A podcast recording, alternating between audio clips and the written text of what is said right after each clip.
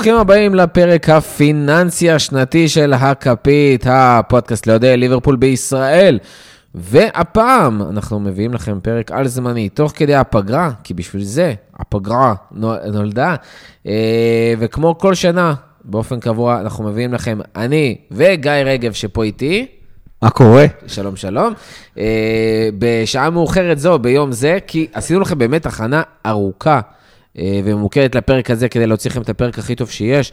ואנחנו הולכים בעצם לזכור את המצב הפיננסי של ליברפול, מתוך הדוחות הכספיים, תכף נסביר לכם את כל הדברים האלה, של העונה הקודמת, לא העונה הנוכחית, כי זאת עדיין לא נגמרה, אז אין דוחות, אה, שבעצם ליברפול הוציאו, יש לנו את כל הפרטים, עצם זה שליברפול בעצם אה, חברה ציבורית, אז היא בעצם מחויבת להוציא דוחות שבעצם מסבירים את כל ההוצאות וההכנסות והכל והכל והכל, אז... גיא בעצם ישב, כבר שבועיים עובד על הפרק הזה, מתכונן, יודע פה כבר דברים בעל פה שאני כאילו בהלם, שולף לי מספרים. אני בקושי זוכר מה אכלתי היום בבוקר. אה, ואז אנחנו בעצם גם נביא לכם את הדברים היבשים, אבל גם כמובן, והכי חשוב, כל המסקנות שבעצם יסבירו כמה הכנסנו, למה הכנסנו, מה זה אומר, בהשוואה לשאר הקבוצות, המעמד של ליברפול כמובן מבחינה פיננסית, איך זה משפיע על החלק המקצועי, איך זה משפיע על מה שאתם הכי הכי רוצים לשמוע, וזה העברות, וכיוצא מזה, גם החוזה של סאלח, אה, איך הקורונה השפיעה על כל הדבר הזה, או השפיע פחות אה, כן. משאר הקבוצות, כל זה ועוד ועוד ועוד ועוד ועוד. אה, נתחיל להגיד, קודם כל, יש לנו איזשהם כמה עמודי תווך או נקודות מוצא, שאנחנו צריכים להגיד אותם קודם כל בהתחלה. כן, להכניס אה, לקונטקסט, כי... כן, חשוב. יש, אה, בגלל הקורונה יש המון אה, עיוותים, נקרא לזה, למספרים, אז צריך להבין לא מול מה אנחנו עומדים. לא רק זה, פרק פיננסי מורכב, זה לא בוויזואליזציה כן. מטורפת כזאת, אלא רק בסאונד נקי, אני וגיא, אז... חשוב מאוד להסביר כל פרט קטן, כדי שאנשים יבינו, גם כשהם עכשיו אה, באוטו, שוטפים כלים, כל הדברים האלה עם הכלב, שהכל יהיה ברור. אז קודם כל נגיד, העונה הנוכחית שאנחנו משחקים בה, שכבר אוטו כבר מגיעה לסיומה. כן. זו עונת ש... 21. אה, אוטוטו ארבעה תארים. אוטוטו ארבעה תארים, אז זאת עונת 21-22. אנחנו מדברים על העונה הפיננסית של 2021, זאת אומרת העונה הקודמת, זאתי שלא היה בקורונה, שסיימנו מקום שלישי, שאיכשהו עדיין הצלחנו להגיע לרבע גמר ליגת האלופות. אה, וגם פה צריך להזכיר את העונה שלפניה, את אותה עונת אליפות של 19-20, ש... ואנחנו צריכים להזכיר אותה בעצם בגלל הקורונה. בגלל שעונת 19-20 הייתה אמורה להסתיים במאי, אממה, היא הסתיימה באוגוסט, והמון תשלומים לליברפול אה, עברו בעצם לעונה שאנחנו מדברים עליה. והמון תשלומים של ליברפול ביצעה, למשל בונוסים לשחקנים, בוצעו גם כן אה, בעונה הזאת, אז... אז שהושפעו בעיקר בגלל האליפות. כן. זאת אומרת שלקחנו באותה עונה, אה, בעונה לפני כן, מה שנקרא, כן. אמרנו, שוב, חלק מההוצאות של העונה האחרונה הם מתוך עונת האליפות, בגלל שהיא נדחתה בגלל הקורונה, אז כל הימים האחרונים, השחייה עצמה בתור הרשמית, נכון. אה, כל הבונוסים שהגיעו יחד עם השחייה הזאת, כל ההוצאות האלה בעצם נכנסו לשנה הקודמת, נכון, אז כמו ש... אגב, כמו שמופיע פשוט בדוח של ליברפול, אנחנו מדברים על העונה הפיננסית של 2021, שכוללת סיום הזכייה באליפות, ובעצם עונה שהסתיימה במקום שלישי, ובריב הגמר ליגת האלופות, mm-hmm. שזה מאוד מאוד חשוב, ועל זה אנחנו מדברים. וכמו שאמרת, אנחנו נזרוק הרבה מספרים, אנחנו מאוד מאוד מאוד מאוד נשתדל. מאלה, אם יש שאלות, לחכות לסוף, כי אנחנו לא שומעים אתכם. אה, מאוד מאוד נשתדל להפוך את זה למשהו מוחשי, אפילו סיפורים, לא שזה מספרים, סיפורים, למשמעויות, למסקנות, ובינינו הכי חשוב, איך זה מתבטא על המגרש, ואיך זה מתבטא על בניית הסגל של ליברפול. Mm-hmm. ושתדעו לכם, המדד הכי טוב לחזות מה, מה ההצלחה העתידית של קבוצה, מדד הכי טוב, לא, שום דבר לא חקוק בסלע, זה שכר השחקנים. וכל מה שאנחנו יכולים לדבר עליו נועד לדאוג לשכר שחקנים כמה שיותר גבוה. יאללה, אז בואו נתחיל. אה, שור, אנחנו רוצים לתת איזו שורה תחתונה גדולה. קראנו לזה קודם כל המעמד של ליברפול מבחינה פיננסית. אמ, וזה הנקודה שבעצם היא סוג של הסוף של הדוח הזה. כן. ורגע לפני שהתחילה העונה הנוכחית, מה הייתה נקודת הפתיחה הפיננסית של ליברפול לעונה הזאתי? לעונת 2021-2022. אז באופן רשמי, ליברפול נחשבת לקבוצה השישית-שביעית הכי עשירה באירופה. שרגע, בוא, הופ, נעצור, נעשה את זה הרבה בפרק הזה. הכי עשירה באירופה זה כי יש לה... הכי הרבה הכנסות. הכי הרבה הכנסות, לא בהכרח אה, מקורות הכנסה.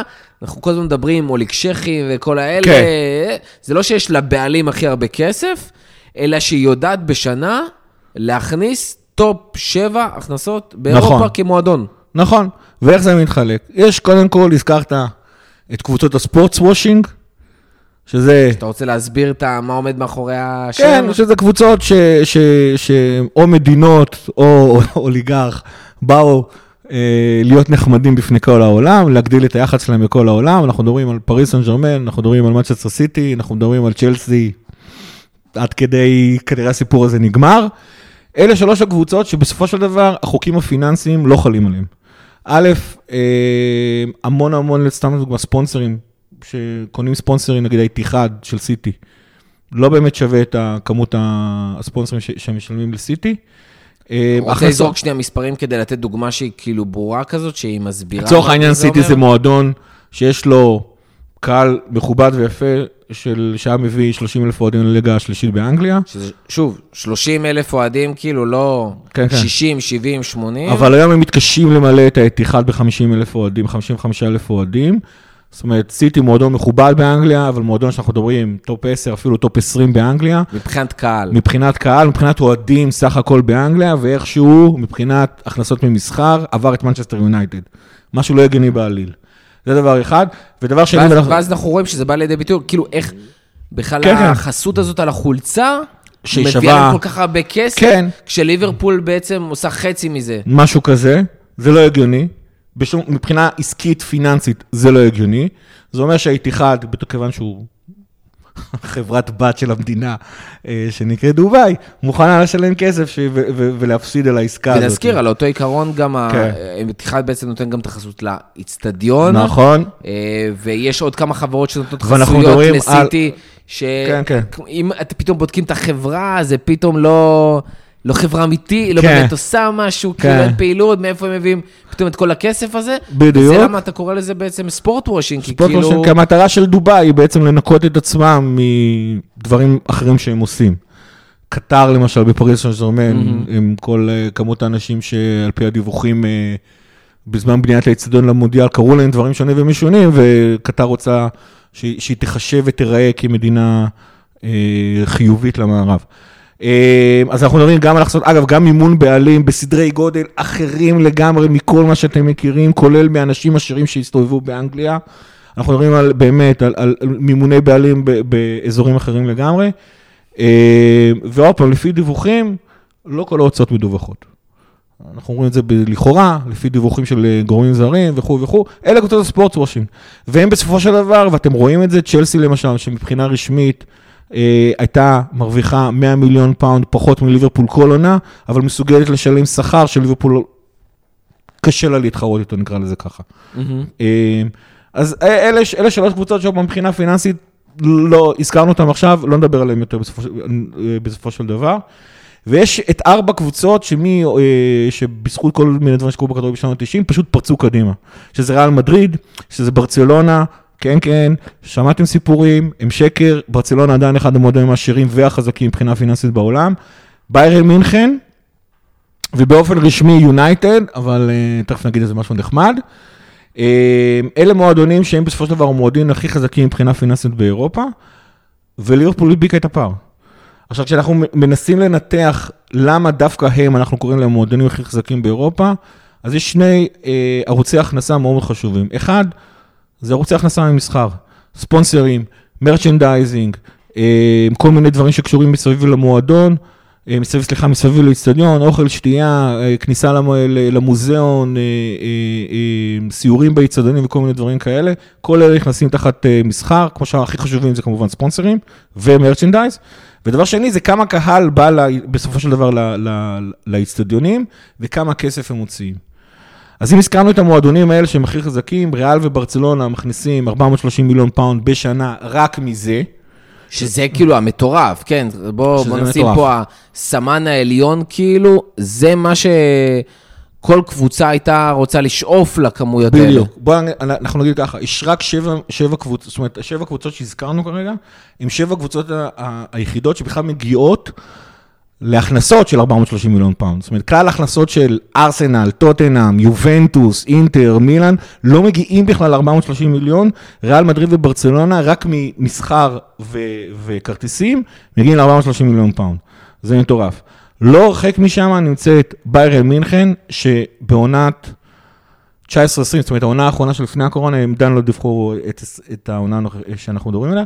הם כבר הגיעו ל-380 מיליון פאונד, אנחנו מדברים, זה, זה כבר משהו מאוד מאוד יפה. ויונייטד הייתה שם תמיד קבוע שם, באזור ה-350 מיליון פאונד בעונה. יונייטד כבר לא עושה את זה. הם הרבה מהחוזי ספונסרים שלה תלויים בכניסה שלה לליגת- האלופות. יונייטד חזרה עונה לליגת אלופות. נכון, והעונה הבאה נראה שהיא לא תחזור לליגת אלופות. אה, יונייטד באופן אה, ספציפי, אה, כמות ההכנסות שלה, עוד פעם, ממסחר ומכרטיסים, ירדה ל-310 מיליון פאונד, והפלא ופלא, שם נמצאת ליברפול. ליברפול הגיעה, עוד פעם, רק מספונסרים, רק מכרטיסים, רק ממרצ'נדייז, ליברפול מכניסה 305 מיליון פאונד כל עונה. אה, זה מאוד מאוד קרוב ליונייטד, והזכרנו את השורה התחתונה, בסך ההכנסות של ליברפול, ליברפול אה, כנראה כבר העונה, אבל אם לא, ולאור העובדה שיונייטד לא מגיע לליגת האלופות בעונה הבאה, בוא נפנטז, בוא, בוא נחזיק אצבעות לארסנל שתחזיק מעמד, ליברפול בשנה הבאה, בעונת אה, אה, 22-23. 22-23, בעצם תעבור את יונייטד בפעם הראשונה אחרי 30 שנה, בסך ההכנסות השוטפות של, של, אה, של הקבוצות. שזה מטורף, ובוא שנייה נשים את זה פה. ואחרון, כן. אם נזכור שיונייטד לא מוכרת שחקנים, היא פשוט כמעט ולא מכניסה כסף במכירות שחקנים, זה אומר שליברפול עברה את יונייטד כבר, בסך ההכנסות של ליברפול בעונה, היא עברה את יונייטד כבר העונה. כבר העונה, וזה סיפור מטורף כאילו. עכשיו, בוא, בוא שנייה נשים את זה באיזשהו קונטקסט, כי זה, כי זה חשוב. כשאנחנו אומרים שליברפול עברה את יונייטד, אה, בסיטואציה הזאת, מה שאנחנו בעצם מדברים, ואנחנו הולכים עוד לחזור על המושג הזה הרבה פעמים בפרק הקרוב, כמו שיש איזושהי תקרת זכוכית שקשה לעבור, פה אנחנו מדברים על רצפת זכוכית. כן. שהרצפת זכוכית הזאת, מה שקורה זה שבעצם ברגע שהמועדון מגיע לרמה מסוימת של אה, בריאות פיננסית, או איך נקרא לזה? ל... כן, בריאות פיננסית זה חוסן. פיננסי. חוסן פיננסי הרבה יותר מדויק, פיננסי, נכון? אז בעצם ברמה התיאורטית, הסיכוי שלך לרדת מתחת למקום מסוים בליגה הוא אפסי. נכון. ומה שקורה שבעצם ליברפול, במצב הפיננסי שלה כרגע, יונייטד, לאורך שנים, הסיכוי שלה לרדת ממקום בטופ 4, הוא היה אפסי. נכון. באמת המון המון המון שנים, הייתה שם עד שהגיעה לאיזושהי נקודה, שבאמת היה קשה לרדת מהטופ 4, אבל עשו המון המון טעויות מקצועיות, שהובילו אותם מחוץ, וגם אז תראו, מוריניו הצליח להגיע במ- למקום שני, וסולשר הצליח להגיע למקום שני, למרות ש... למרות כל הסיפורים, זאת אומרת, באופן מאוד טבעי, זה ממש ממגנט אותם למעלה רק מהבסיס הפיננסי הזה שמדבר על שכר של שחקנים, על כסף מזומן שאפשר אה, בזכותו גם להביא שחקנים, כל הדברים האלה מאפשרים לך קודם כל להתקיים עם רמה מקצועית מאוד מאוד מאוד גבוהה. נכון. וליברפול מגיעה עכשיו לליגה הזאת, שבאמת, לא רק טופ 4, הסיכוי שלה פתאום, במצב הפיננסי כיום, הסיכוי שלה לרדת ממקום שני, במיוחד עם הסיפור עכשיו עם צ'לסי, ואנחנו נכון. עוד לא יודעים בדיוק מה קורה כשאתם מאזינים גם, ומה יקרה עוד שנה, או חצי שנה, או בקיץ, הסיכוי שלה פתאום לרדת ממקום שני עדיין, הוא מאוד מאוד נמוך. נכון. בגלל הבריאות הזאת, כי גם אם היא לא לוקחת אליפות, גם אם היא לא לוקחת את הצ'מפיונס, היא מכניסה כל כך הרבה כסף במצב בסיסי, כדי שהיא תוכל להתחרות בלי קשר לכל הרכש, אבל כמובן שזה גם חלק מהעניין, באליפות בעונה. נכון, ו- ויש סיבה שבחרנו לדבר דווקא על מסחר ו- וכרטיסים ממשחקים כהמדד הנכון לחוסן של קבוצה, והסיבה זה שזה זה כסף שהוא לא נתון, שהוא לא, לא תלוי בהצלחות שלך למגרש. הוא זאת פשוט אומרת, מספיק ששיחקת את ה-38 משחקים בעונה בליגה. 19 בבית, נכון, שזה היה חשוב. נכון. ואת ה... המכירות שלך עכשיו, במיוחד נכון. כל הסיפור עם נייקי, שהוא מטורף, שפתאום כן. יש לך בהשוואה לניו בלנס, הפצה מטורפת, והמחירים יותר גבוהים ועדיין קונים, ואנחנו עדיין רואים שאנחנו בטופ של המכירות חולצות באירופה, בעולם, בעולם. כאילו, אה, שזה פסיכי לגמרי, וזה כמובן מוסיף לנו, וגם בעונה, ראינו, בעונה הקודמת, בעונה הזאת שאנחנו מדברים עליה, זו עונה שלקחנו מקום שלישי בליגה, עפנו רבע גמר ליגת אלופות, לא היינו קרובים לקחת אליפות ועוד עונה בלי וירג'יל וזה, ומיליון פצועים, באמת שלא היה סיכוי, ועדיין הצלחנו להכניס, וגם היה בלאגן עם כרטיסים, ולא הקהל, ועדיין הצלחנו להכניס המון ממסחר בגלל הבסיס הבריא של המועדון. נכון, נכון, בדיוק, ו- וזה בדיוק העניין, זאת אומרת, ריאל מדריד, כשהיא מתחילה את התוכנית הפיננסית שלה, איך היא יכולה להשקיע את הכסף, היא מתחילה מ-430 מיליון פאונד, זה משהו מטורף. ליברפול, כמו שאמרנו, הגיע כבר ל-305, וזה זה, זה לא משתנה, זה לא משנה אם אתם שמים מקום שני, מקום 20 אפילו, חס וחלילה בליגה, זה לא משנה אם אנחנו מגיעים אה, אה, לרבע גמר ליגת אלופות או זוכים בליגת אלופות, ליברפול יודעת שיש לה 310 מיליון פאונד, לא משנה מה קורה. וזה, וזה בעצם המדד, מדד העוצמה, וכמו שאמרנו, השבע קבוצות האלה שתיארנו עכשיו, מרוויחות יותר ממה שכל קבוצה ספציפית אה, אחרת מרוויחה בסך הכל השנתי שלה. וזה, וזו הסיבה של, ש, שבעצם ליברפול בעצם הצטרפה, פעם הוא היה מועדון של ארבע, עכשיו זה נראה כמו מועדון של אה, שלוש, ריאל ברצלונה וביירן, יונייטד מאבד את מכוחה, נשאלת השאלה כמה זמן זה המשיך הסיפור הזה. אה, שגם צריך לזכור, וליברפול מחליפה אותה. צריך לזכור עם יונייטד, שאולי ליברפול מחליפה אותה, ואולי היא בירידה, ואמרנו, הצ'מפיונס בסיכון, אבל עם זאת, עדיין יש לה בסיס כן. לא רחוק משל ליברפול, לא רחוק משל ליברפול. שיאפשר לה, גם אם היא השנה נכון. יוצאת מהטופ 4, שנה הבאה פתאום כן להיכנס לטופ 4. כן, אתה הזכרת את הרצפת זכוכית, אנחנו נורא נורא נהנים, בטח ה-5-0, לצחוק על מגווייר, לצחוק על וואן ביסאקה, אה, לצחוק על אה, אה, כמה רונלדו בעצם לא עוזר ליונייטד, ובסופו של דבר, אנחנו מזכירים את השחקנים האלה, הם עדיין ברמה אחרת בפרמייר ליג לכל הפחות, זה באמת שחקנים שכאילו צריך...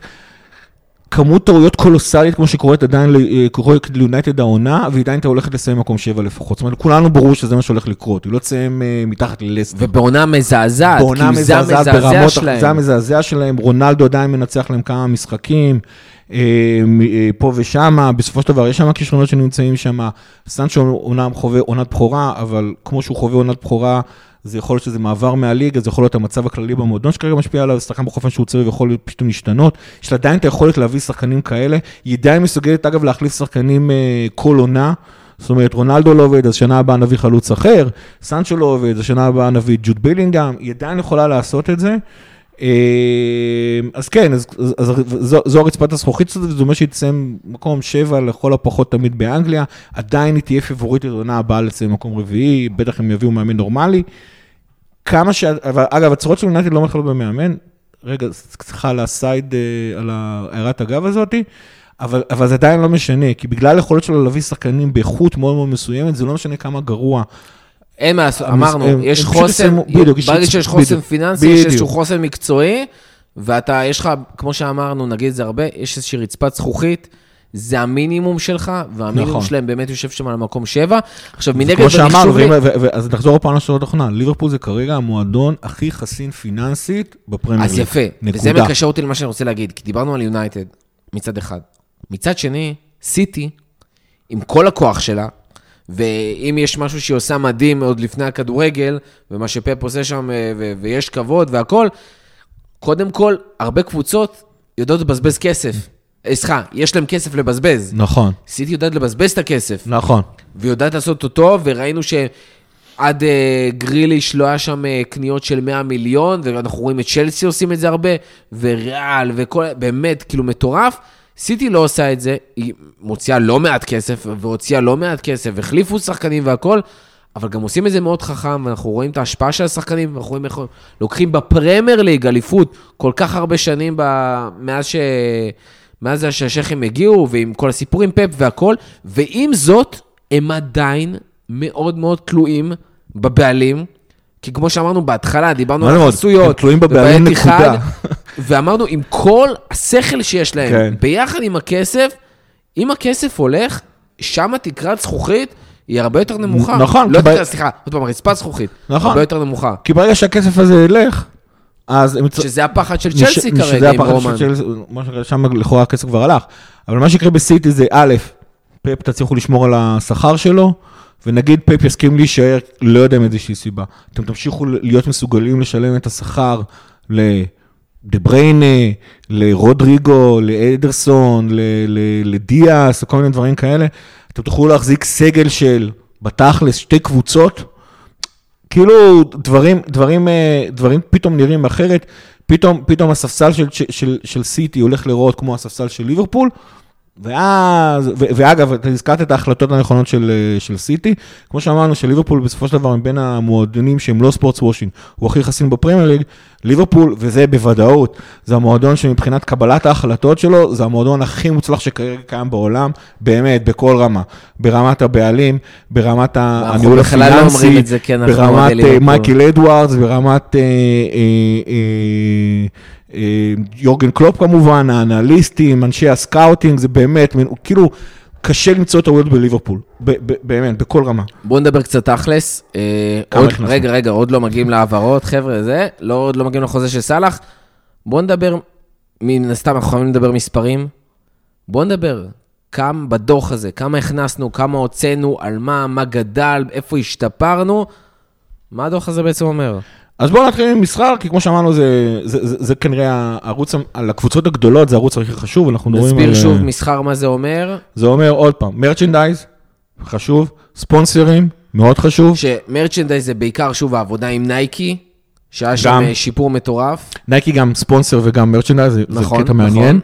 אה, כן, אז, אז קודם כל ספונסרים, מי מופיע לך על החולצה, על השרוול, מועדון אנחנו לא, לא מאמין שאי פעם אנחנו בשביל 5 מיליון פאונד אה, נשנה את השם של האיצטדיון, סליחה, אבל, אה, אבל יש המון, יש כמובן על החולצה, יש עכשיו, נכנס חדש, זה בגדי אימונים, Mm-hmm. כל הבגדים המוזרים האלה שאתם רואים שהשחקנים מתחממים למשחק.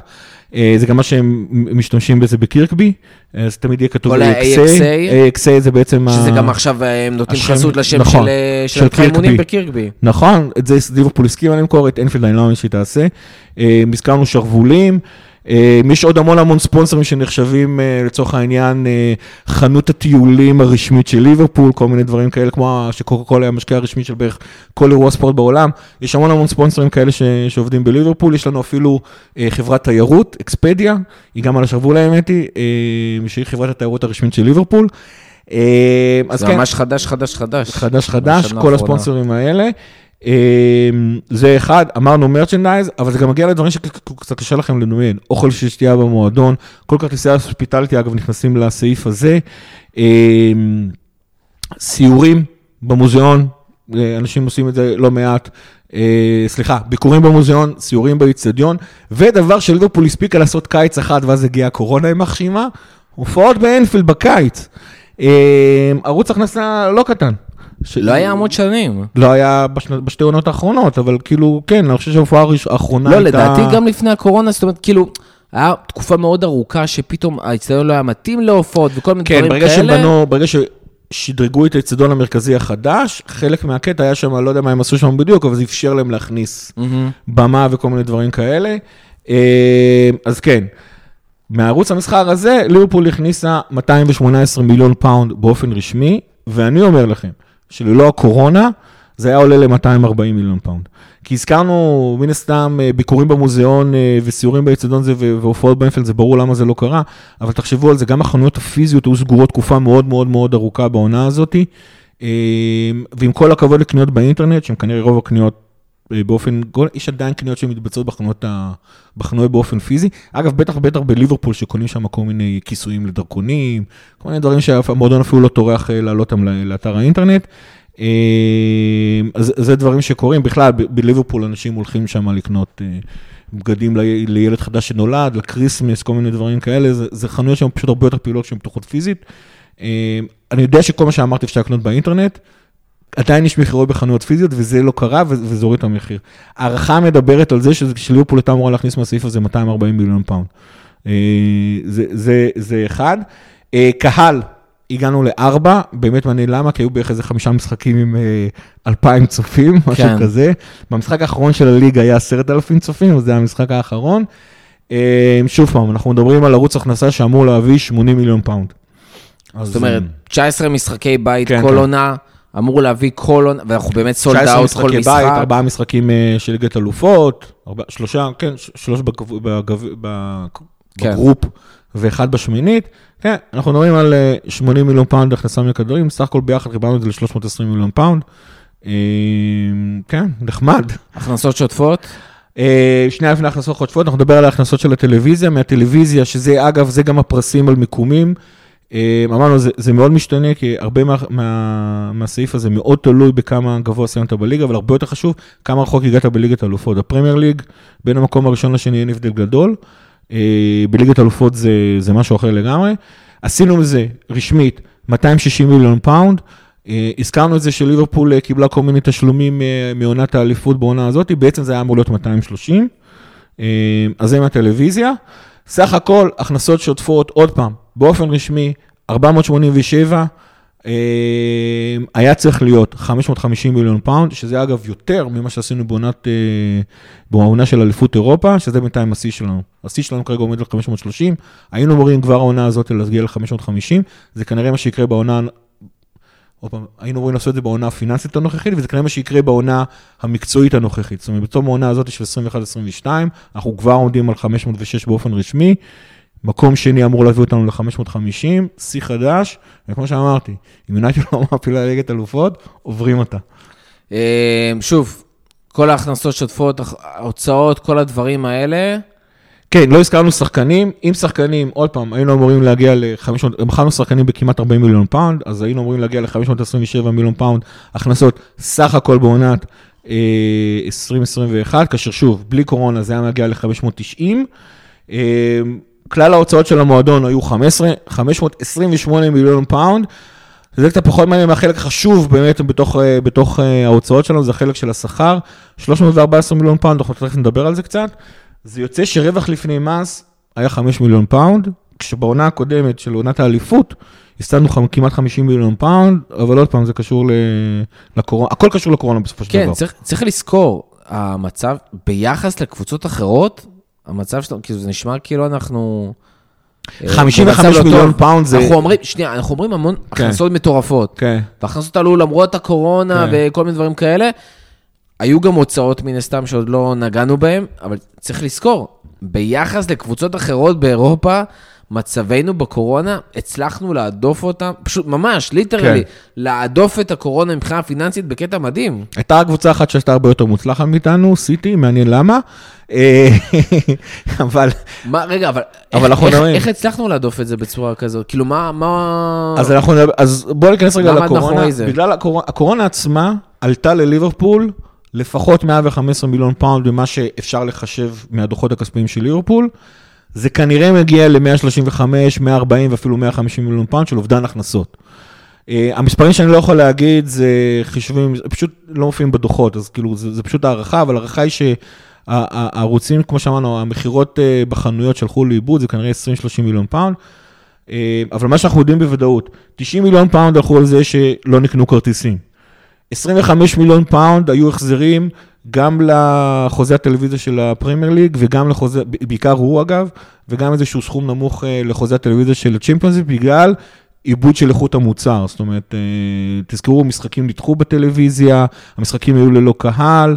אה, זו הייתה הסיבה הרשמית. אגב, עקצו אותנו. עקצו אותנו, כי בהפוך כל- על את הפוך כל היה יותר- ליג, היה כן. יותר רייטינג, אבל אבל בסופו של דבר הפרמייר ליג הח- החזיר כספים על איבוד מוצר. כל הדברים האלה ביחד, גם כרטיסים, גם החזרים לטלוויזיה, היו ביחד 115 מיליון פאונד, וכמו שאמרתי, האיבוד של ההכנסות ממסחר כנראה עלה, העלה את זה ל-130-140 מיליון פאונד איבוד הכנסות, זה המון כסף, אנחנו מדברים פה על 20% מההכנסות, לא, 20, 15% אבל שוב, מההכנסות. הרבה קבוצות הפסידו כסף, ועדיין הגעת למצב שהיה לך כמעט כן. על האפס, כאילו. אגב, הדוגמה הכי בולטת. ברצלונה בשתי העונות האלה איבדה 450 מיליון פאונד הכנסות, אוקיי? לא, לא, זה, זה גם בגלל שיש הרבה יותר הכנסות מקהל, וגם בגלל איך שהיא... מתנהלת. מתנהלת מבחינת ה merchandising שלה, זה פגע בה הכי הרבה.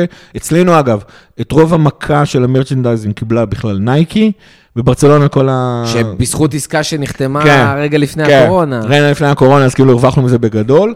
אמ, אז מבחינת איבוד ההכנסות, 150, 140 מיליון פאונד זה המון המון המון המון המון כסף.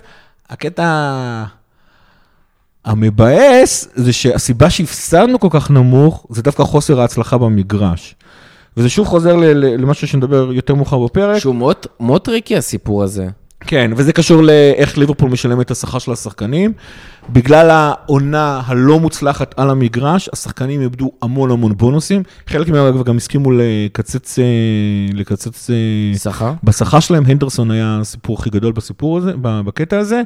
אה, אז בגלל ששילמנו פחות שכר לשחקנים ממה שהיינו אמורים לשלם שכר לשחקנים, אז הפסדנו רק 5 מיליון פאונד ולא נגיד 50 מיליון כמו בעונה הקודמת. עדיין, 55, כאילו הפסדים של סך הכל 55 מיליון פאונד בשתי העונות האלה, זה משהו אחר לגמרי. צ'לסי רק בעונה אחת, רק בעונה של, אה, רק בעונה אחת הפסידה 156, אברטון גם כן באזור של הסכומים האלה, מילאן ואינטר זה סכומים באמת, אם תכנסו לליגה האיטלקית, כמו כמות הכסף שהקבוצות האיטלקיות הפסידו בתקופת הקורונה, זה, זה, זה מספרים באמת מפחידים.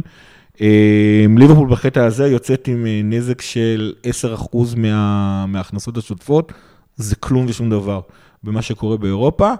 הדאונסייד, שזה קצת היה תוצאה גם של החוסר הצלחה של המקום השלישי. רק נחדד את מה שאמרת, העניין שבאמת כאילו באיזשהו מקום הפסדנו, לא הפסדנו. זה שלא לקח, זה שסיימנו מקום שלישי בעונה הזאת ולא לקחנו אליפות, הציל אותנו כלכלית. הציל אותנו כלכלית. עכשיו, אם, אם היינו זוכים, היינו צריכים לשלם על בונוסים של שתי אליפויות. כן. כאילו ברמה הזאת, כן. המ- התקווה היחידה. שלנו שהייתה בעונה הזאת זה באמת לזכות בצ'מפיונס, ושם אתה באמת מרוויח ויכול לקזז את העניין הזה, זאת אומרת, היית משלם בונוסים, אבל גם היית מרוויח הרבה יותר כסף בצ'מפיונס, כי בעצם הפערים בין מקום ראשון לשלישי ב... בליגה, ארבע מיליון פאונד. הוא, כן, הוא ארבע מיליון ממש פאונד. כלום כאילו מבחינתה. זה- מנגד בצ'מפיונס, ההבדל בין רבע גמר לגמר, או לקחת, זה עשרות מיליונים. 30 מיליון, 40 מיליון פאונד, נכון? רבע חצי וזה, כן, 30 מיליון פאונד. אה, אגב, הערת אגב, אנחנו בפרק פיננסי, אז, אז, אז אנחנו מאחלים לליברפול לקחת את כל, את כל התארים כל עונה, וגם אגב, המועדון בונה את התקציב שלו ואת ההכנסות שלו כדי לשלם לשחקנים את הבונוסים האלה.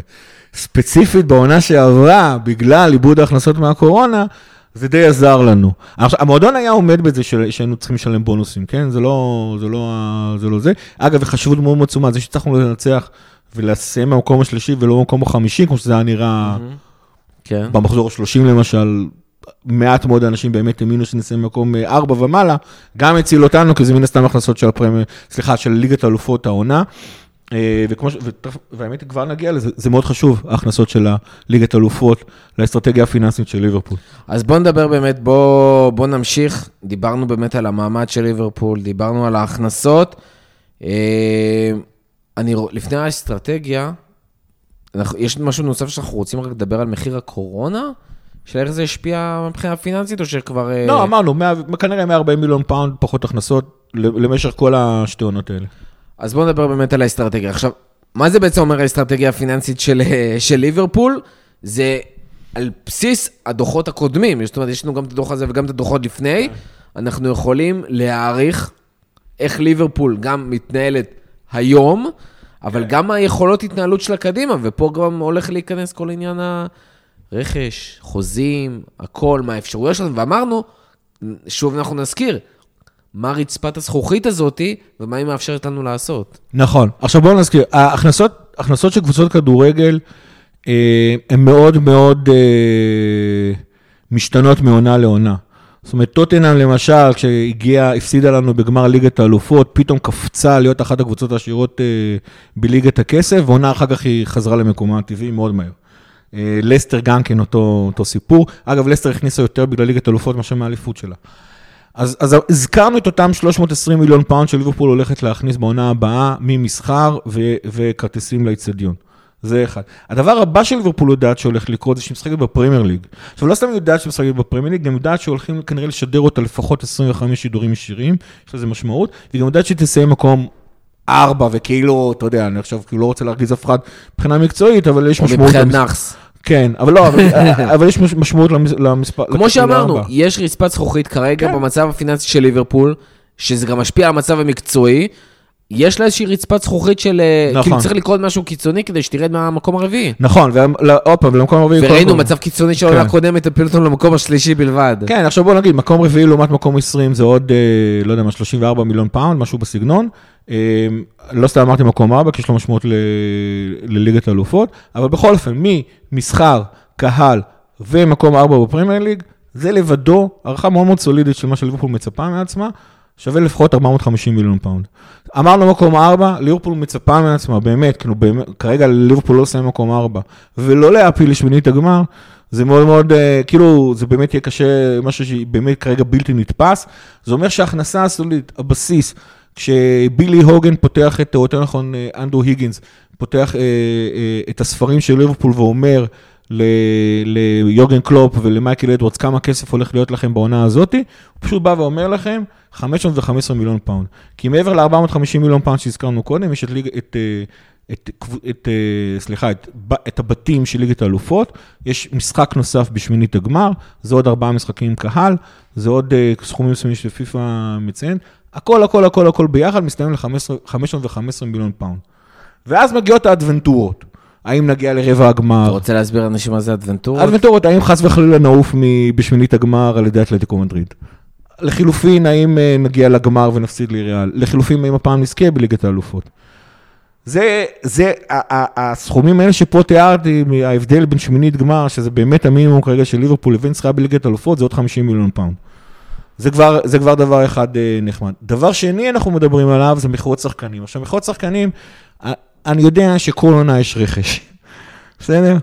אבל מכירות שחקנים יכולים להיות עונה שמכרת בה את קוטיניו, וזה המכירת על האחרונה שליברפול עשה, עשתה, לבין מה שקורה בדרך כלל, שזה מכירות שחקני אקדמיה, שחקנים שלא הצליחו להשתלב לתוך, ה, לתוך הסגל של ליברפול, או לחילופין. שחקנים, אה, כן, דדוודס.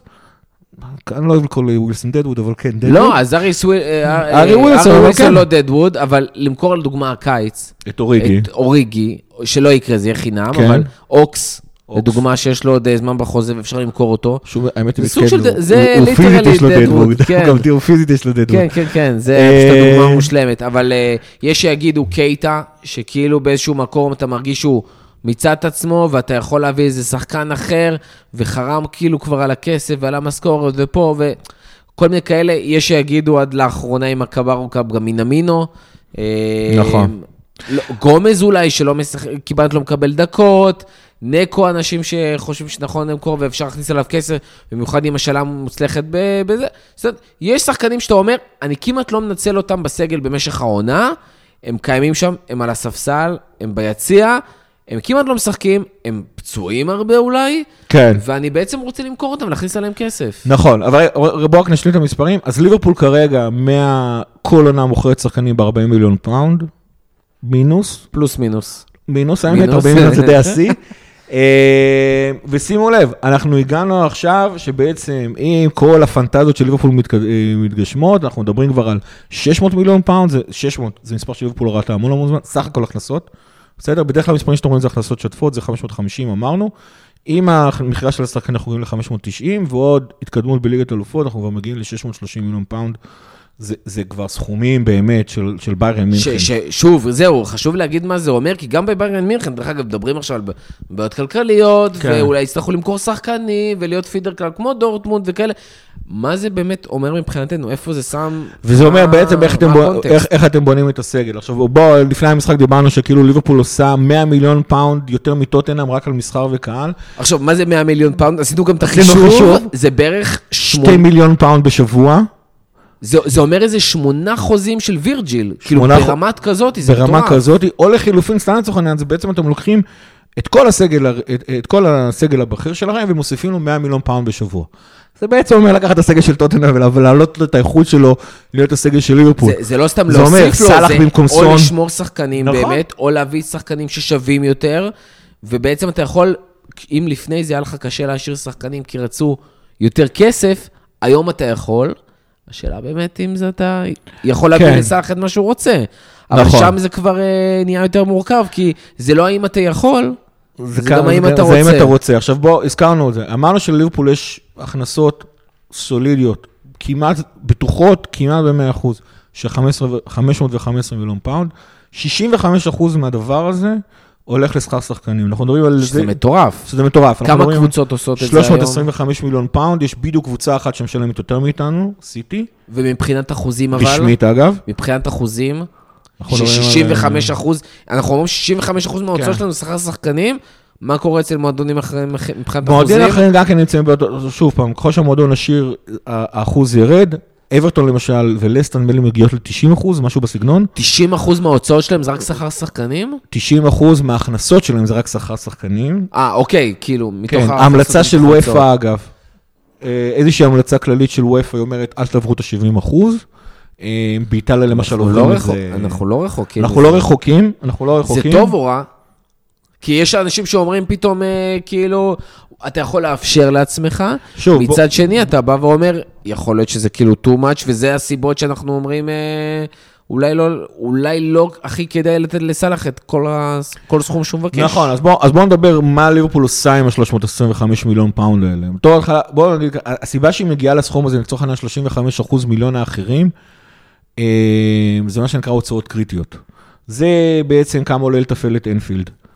פיזית, אגב, אנחנו לא לא מדברים על שכר, גם לא של המזכירה, ומוכר הנקניקיות.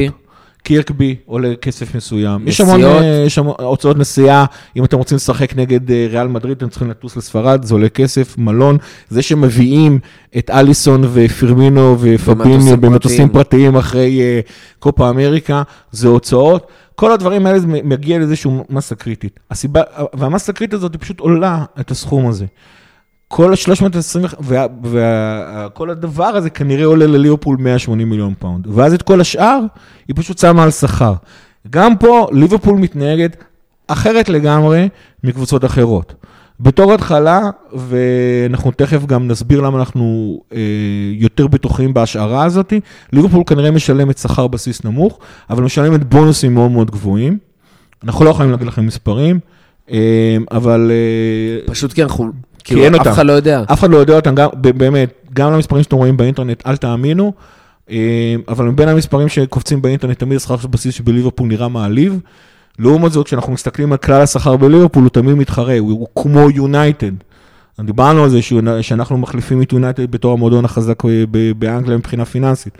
אז, אז, אז אנחנו כמו יונייטד. הקבוצות היחידות שבכלל מתחרות איתנו בשכר, זה קבוצות הספורטס וושינג, בין אם זה סיטי ובין אם צ'לסי עד העונה. עכשיו, יבואו ויגידו אנשים, ארסנל כן, לא אבל, קרובה. אבל אתה רוצה להתמודד נכון. עם הקבוצות האלה, פה חייב. אתה, פה אתה, בדיוק, פה, אבל איך אתה מתמודד, מאיפה אתה מביא את הכסף, פה אתה בא ואומר, עם הבסיס הבריא עוד, בלי לקבל הלוואות מ-FSG, ואתה לא מקבל אנחנו לא הלוואות, מקבלים הפתעה מ-FSG. זאת אומרת, רומן היום רוצה להביא כסף ל- לרכש, כן. צ'לסי, יותר נכון, צ'לסי רוצה כסף לרכש, היא הולכת לשוגר דדי שלה, אומרת, תביא כסף. זה לא זה לא שהמכירות שחקנים מהאקדמיה באמת מצליחות לממן את כל הרכש לא, שלהם, זה- אגב, כי יש גם אקדמיה, הוצאות פיננסיות גם של עם המועדון. כל הכבוד לאקדמיה, הם לא מוכרים אפילו 10% ממה שצ'לסי, אגב, בסך הכל מוכרת שחקנים, זאת אומרת, באמת. זה כאילו, אנחנו מדברים על 160 מיליון פאונד לאורך חמש עונות, זה זה נשמע הרבה, זה ממש לא הרבה כסף. זה כאילו, תמיד מסתכלים על ההעברות של צ'לסי והעברות של, כאילו, ואח- את מי שהם מכרו ואת מי שהם קנו. נכון. וזה נראה כאילו בשנים האחרונות זה מתקזז כזה. כן, אבל זה רוב לא הסכומים מתקזז. זה האזארד 100 מיליון פאונד. זה, זה, זאת אומרת, אנחנו מדברים על ה- ה- ה- היכולת של צ'לסי להתנהל כן, אבל אומרים, השחקנים. רגע, אבל, אבל זה מתקזז. זאת אומרת שהם כן כאילו לא, אבל שם צ'לסי מועדון אפס, מפסיד. צ'לסי פשוט מועדון מפסיד ב- ברמות כי אסטרונומיות. בלי ההוצאות רומן, שלהם, כי כן. ההוצאות שלהם גבוהות. כן, כי הם באופן רשמי מכניסים, סליחה, 100 מיליון פאונד פחות מליברפול, השכר שלהם הוא אותו דבר, איך לעזאזל, ו... ו- ו- ו- ובנוסף לזה, הם גם עושים רכישות הרבה יותר גדולים מליברפול. זה רומן. אה, זה, זה התשובה, זה אז, בנק אז כמו. שאנחנו אומרים, שם בעצם באמת, הם עושים את זה, אנחנו מתמודדים באותו רמות שם עם צ'לסי באותו רמות של וזה. שכר, אגב, הזכרנו רק את הקבוצות באנגליה, אתה צריך להתמודד עם ריאל מדריד, שמשלמת שכר כמונו. עם ביירן מינכן, שצריכה לשלם שכר כמונו, עם ברצלונה, שמשלמת שכר כמונו. שעד הקורונה שילמה חצי מיליארד יורו, ועכשיו קיצצו לה את תקרת השכר, יחזור. ועונה הבאה כבר חוזרים ל-300 מיליון אה, פאונד בעצמם, אל תדאגו לברצלונה. אה, או יותר נכון, תהנו מהעונה הזאת כל עוד היא נמשכת, כי זה פעם אחרונה. אה, דרך אגב, אה, כאילו, משהו קטן על ברצלונה, כי בטח גם אנשים טועים, אז רגע, איך, מי מו מה? זה בעיקר כי היו להם הגבלות ספציפיות העונה, בגלל נכון. העונת קורונה, כן, וברגע שהם ייכנסו לעונה הבאה, והיא תתבסס על ההכנסות מהעונה הזאת, שפתאום יש כרטיסים, נכון. ומכירות, ומרצ'נדייז והכל, אז הם יוכלו, הבסיס שחר שם יהיה הרבה יותר גדול, ובעצם כל האישו היה לא על חובות, אלא נטו כמה הם, בגלל גם כמה חובות, הכנסו עונה קודמת. גם חובות יותר נכון, זה גם לא באמת חובות, זה באנגלית זה, זה לא נקרא debt, זה נקרא liability, זה יותר נכון התחייבויות של ברצלונה. שאגב, התחייבויות שגם לליברפול יש אותן בחוז, ב, ב, ב, בספרים שלהם, הכל בסדר. אה, לא ניכנס אותנו לפרטים, אבל תקרת השכר ב, ב, בספרד עם יותר מדי שיניים, זאת אומרת, היה שם, הם לא, כאילו, לא לקחו בחשבון שעונה ברצלונה הולכת להרוויח מחדש אה, כרטיסים.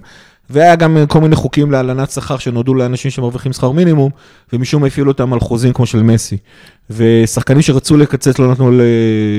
החוק הספרדי לא נתן לברצלונה לקצץ. אה, עונה הבאה, תקרת השכר שלהם כבר תהיה הרבה יותר גבוהה, ועוד שנתיים היא תחזור לחצי מיליארד שהם יוכלו לשלם, והכל יהיה סבבה שם. נחזור לליברפול. לליברפול. ליברפול עושה עוד כמה, אז אמרנו, ליברפול דור התחלה מעמידה ס- תקציב שכר שחקנים שהוא מאוד מאוד תחרותי, מה זה מאוד תחרותי? הוא בשורה הראשונה של השכר המדווח באירופה. זה לא שאלה בכלל. אה, אוקיי, עכשיו, אתה עכשיו יש רוצה לתת שאלה, לנו למאזינים שנייה מיקום איפה ליברפול נמצאת מבחינת שכר שחקנים? בסופו של דבר בחמישייה הראשונה. בחמישייה הראשונה נקודה. אממה, אנחנו מדברים על שכר שהבסיס שלו הוא נמוך, ו- ואנחנו יכולים לראות את זה העונה. אנחנו הזכרנו את זה שחלק מהתשלומים של העונה זה על עונת האליפות. את הבונוסים שהשחקנים קיבלו על עונת האליפות, הם קיבלו בעונה הפיננסית הזאת. אה, אז אם אמרנו שב-19-20, שכר השחקנים של ליברפול היה 325 מיליון פאונד, תזכרו, זה לא כלל את מענק האליפות, לעומת זאת העונה זה היה 314 מיליון פאונד, שזה דווקא כן כלל את מענק האליפות. הגיע לליברפול 100 עובדים חדשים, אמנם רובם אה, אנשי מכירות ו- ואדמיניסטרציה וכו' אבל וכו'. זה 100 אנשים זה 100 אנשים חדשים. שמקבלים שכר. איפה הם יושבים? איפה פתאום יש להם כיסאות לכל המקומות כן. האלה? אה, אז, אז, אז ליברפול הגדיל את כמות האנשים שמקבלת שכר אצלה. תזכרו, חידשנו חוזים לווירג'יל, אה, לא זוכר- הנדרסון. הנדרסון, לפביניו, אם אני זוכר נכון, התווספו החוזים של תיאגו, התווספו החוזים ז'וטה, של ז'וטה, צימקס. ג'יני עדיין לא עזב, החוזים שנפרדנו מהם הם חוזים של לוברן, וכאילו, כל מה שאני מתאר לכם היה אמור לייצר יריד... אה, סליחה, היה אמור לשמור בעצם על השכר באותו דבר. כי גם רוב החוזים נשארו, גם הוספנו אה, אה, הרבה אנשים שצריכים לקבל שכר, כולל שחקנים שמקבלים שכר גבוה. הוספנו לשם את, הח- את הבונוסים של ליגת האלופות, ועדיין השכר של ליברפול היה נמוך יותר. והתשובה היא כנראה בהשערה שכבר רצה בין כל האנשים שמתעניינים בדוחות כספיים של קבוצות כדורגל ברשתות, ששכר הבסיס בליברפול הוא מאוד מאוד נמוך, זה מסביר, כמו שאמרתי קודם, למה כשאתם רואים שכר של וירג'יל, שלכאורה הוא 200 אלף פאונד בשבוע, וג'יידון סנצ'ו, שלכאורה הוא 350 אלף פאונד בשבוע, זה לא הגיוני. ההבדל בין 200 אלף ל-300 וירג'יל סנצ'ו לא מסתדר. אבל בוא, אנחנו לא באיזשהו אנחנו, עולם שוב, אוטופי. אנחנו זרקנו פה מספרים שהם- מושפע, לא, שנייה, נכון. שנייה, אבל צריך, צריך גם להסביר את זה, כי כשאתה בא ואומר איך הוא מקבל ככה והוא מקבל ככה, זה לא שאותה גננת מחלקת להוא כמות נכון. תפוחים כזאת וכמות תפוחים כזאת, והם אומרים, "אה, אבל הוא קיבל. זה הנהלה אחרת. יש שם, בדיוק, יש שם משא ומתן שונה, יש שם סוכנים שונים. נכון. שלב שונה שאתה מחתים את השחקנים. נכון. כשאתה מחתים אה, שחקן כמו סאלח, אתה מביא אותו לפיורנטינה, ב- לליברפול, ואתה אומר לו, תשמע כפרה, אתה סאלח, אתה לא זה, אז זה אחד. ושתיים, כשסנצ'ו בא ואומר לך, אני רוצה את השכר הזה, ואתה אומר לו, נשמה שלי, אני את השכר הזה לא מביא לך, אתה רוצה פחות, סבבה, תבוא, אבל זה, אז, אז אתה לא מביא, אבל יונייטד, אומרים לה מגווייר ב-80, אומרת, טוב, טוב, בסדר, תביא, תביאו, כן. וסנצ'ו ב-80, תביא, ורונלדו, שזה היה אין בעיה, כאילו סבבה. לא הגיוני מקצועי בשום אתה צורה. השווית לפני, ש- לפני שהתחלנו נכון. להקליט את העניין עם דה ליכט, כן. אז שיש לך ריולה שבא ואומר להם, תשמעו, זה מה יש, אתם רוצים, כן, לא, ביי. זאת אומרת, יש שם דברים אחרים לגמרי, יש סיבה שאתה בוחר את השחקנים הספציפיים האלה, ואין לך שום בעיה לדלג על שחקנים מסוימים, כי אתה יודע שיש אלטרנטיבות, והם ייקחו ממך הרבה פחות כסף על שכר, נכון. ואתה רואה גם שחקנים פתאום משלימים כמו צימקס, שהשכר שלהם לא בשמיים, וגם רובו, דרך אגב, לדעתי עדיין באיזשהו שכר כן, מצב. יחסית נמוך לרמה שלו. בטח לא, העובדה שהוא אה, המגן השמאלי הכי טוב בעולם. וזה זה בול ההתנהלות הזאת, בחירת אופי שחקנים מסוימים. נכון. שהם לא הסופרסטארים ולא גרידים ולא מסתובבים וכל הדברים האלה. יותר אז מזה, אנחנו מרוויחים אתה מזה. שחקנים שאתה יודע שרק בעוד שתי עונות הם יהיו מספיק טובים למה שקלופ אתה לא רוצה. מחפש אותם בפריים, אתה רוצה לפני, ואוטומטית הם ירוצו לך את הארבע שנים, כולל חלק נכון. מסוים בפריים כבר, עם משכורת יחסית נמוכה. נכון, ובוא נסכם מה בעצם אמרנו, וזה דברים שאנחנו אומרים בכפית, בטח בפרקים הפיננסיים, אבל גם בפרקים הרגילים. כמה דברים. אחד, קודם כל, אמרנו שכר בונוסים, אנחנו נורא נורא נזהרים עם המילה הזאת, כי זה השערות, לא רואים את זה, לא רואים את זה, זאת אומרת, זה לא מדווח, גם אף פעם אל תאמינו למה שאתם רואים באינטרנט, אני מאוד מפקפק במספרים האלה, אבל זה המספרים שיש לדבר עליהם. נותן כנראה- פרופורציות קצת, אבל באמת, בעיקר. ההשערה שרצה באמת בכל, ה... בכל מי שמתעסק בדוחות כספיים של הכדורגל, של ליברפול השכר בסיס נמוך, אבל הבונוסים מאוד מאוד מאוד גבוהים. זה אחד, והעונה הזאת, איך שהיא, איך, כמו שהסברתי קודם, זה נותן סימנים שזה באמת כנראה גם נכון. אבל זה השערה. אבל בוא נדבר על ליברפול עושה, ואתה הזכרת את זה, אנחנו מביאים, כמו שאמרת, איזה שחקנים אנחנו בוחרים, מול איזה סוכנים אנחנו בוחרים. הזכרת את ריולה, ריולה הוא גם אוהב להעביר את השחקנים שלו כל השתיים ממועדון, אנחנו לא עושים דברים כאלה. שוב, דיברנו גם, הזכרתי בתחילת הפרק, ליברפול כמעט ולא עושה טעויות, לא משנה באיזה צורה שאתם עושים. ליברפול מביאה שחקנים בשביל עשר עונות, אנחנו לא מביאים שחקנים בשביל שתי עונות, תיאגו אולי זה הדוגמה היחידה, וגם זה בגלל הגיל שלו, כן? בסוף נגלה שהוא יצא לו חמש שנות לפחות. אה, אנחנו מדברים על שחקנים, יש כאילו ליברפול מביאה שחקנים שישארו, אנחנו לא מביאים שחקנים שהם ילכו. מה, כולם בני 24, פתאום קונטה בכלל כן. בא בגיל 22, אתה מביא היום כן. צעירים לאקדמיה, כדי שנייה להשאיל אותם שנה-שנתיים ולהכניס אותם להרכב. ראינו מה עשינו עם ארווי, יש עוד שחקנים כאלה בדרך. אה, זאת אומרת, באמת, כל הזמן, כל הראייה הזאת היא לטווח ארוך. אתה מעדיף להביא שחקנים עם שווי יחסית נמוך, עם שכר יחסית נמוך ולבנות אותו תוך כדי, ולא לקחת ריסקים מאוד גדולים. נכון, זה אתה לא אה, מבזבז כסף. prime. עכשיו, כי יש פה קטע, יש פה קטע מטורף. כשאתם מסתכלים על השחקנים, על שוק השחקנים, רק 40% מהרכש נחשב לרכש מוצלח. עכשיו אני... מעד- כל- בממוצע בקבוצות האירופאיות, אפילו הגדולות. בממוצע בכלל, אגב, ו- ואני מאתגר את כולכם. לכו לטרנספר מרקט, תסתכלו על עשר העברות היקרות בהיסטוריה, תגידו לי אם יש שם יותר מארבע העברות מוצלחות, התשובה היא אין. זה גם לא תלוי בגובה השכר, אתם תשלמו, בגובה הרכש ובגובה השכר. אתם תשלמו 100 מיליון פאונד על שכר, ויש לכם 40% סיכוי שהרכש הזה יצליח. יש קבוצה אחת בעולם ששוברת את המספר הזה, ולא סתם שהיא שוברת אותו, היא מעלה את זה ל-80%. ליברפול זו קבוצה היחידה בעולם ש-80% מהרכש שלה הוא פשוט מוצלח. שבו, אפשר, אפשר קצת להתווכח. אתם יכולים לתת לי דוגמאות של אה, שחקנים שהשם שלהם מתחיל ב-K? יש שתיים כאלה אגב. והם כנראה הדוגמאות הכי, נגיד, לא מצליחות בליברפול. מצד שני, סאלח, קשה להסביר כמה סאלח זה הצלחה מסחררת. אפילו וירג'יל ואליסון עם המחירים ההוקו גבוהים שלהם, הם שניהם לצורך העניין מחזיקים, בס... הם במקום השני שניהם, זה דבר מצחיק, אה, נחשבים להצלחה מסחררת, הם מסתכלים על הסכומים האלה נכון. ליברפול, ואנחנו עוד פעם מדברים על שחקנים שישארו בליברפול עשר שנים, זה לא שכל עונה או כל שלוש שנות אנחנו נביא שוער חדש או בלם חדש, זה השוער והבלם שלנו דרך אגב, ז'וטה, להרבה זמן. בעונה קשה, כן. הגיע בלא מעט כסף מצד אחד, מצד שני לא איזה מיליון, אבל הגיע בגיל 23, נותן שתי... עכשיו הוא בעונה השנייה שלו בליברפול, אתה מתלהב כאילו ב prime, אבל אתה מבין שהוא עוד לא ב prime שהוא שלו לא ב prime אפילו. שלו, נכון. עכשיו, הזכרנו את ה-325 מיליון אה, פאונד שכר, אני צריך להגיד, להגיד פה הערה מאוד מאוד חשובה, שיכול להיות שהרבה אנשים אה, יגידו, או רגע, אתה עובד עלינו. אנחנו מדברים על כלל השכר במועדון, זה הדבר הרשמי היחידי שכל הקבוצות מדווחות. גם כשהזכרתי את החצי מיליון, חצי מיליארד אה, של ברצלונה, אנחנו מדברים על כלל השכר במועדון. אני אומר, הכל כולל הכל, מבילי הוגן המנכ"ל ועד מוכר הנקניקיות. אה, אממה, מה ליברפול עושה עם השכר הזה? כמו שאמרנו, אנחנו ממעטים ברכש, זה מאוד מאוד מוזיל עלויות של, של סך הכל כמה אנחנו צריכים להוציא על רכש. דבר שני, אנחנו משקיעים המון במחלקת הסקאוט שלנו. בסדר, אנחנו, אה, יש לנו scouts אמיתיים, כן? שהולכים ורואים אה, אה, שחקנים משחקים כדי להגיד את מי אנחנו רוצים להביא. יש לנו scout אישיות, יש לנו אה, אה, מייקל אדוורדס שהיה אה, ספורט דירקטור מאוד מאוד מוצלח. לא רק זה, יש לנו גם אנליסטים ואנשי data שגם נותנים מידע בשביל רכש וגם נותנים מידע לקלופ על המשחקים של כל הדברים האלה.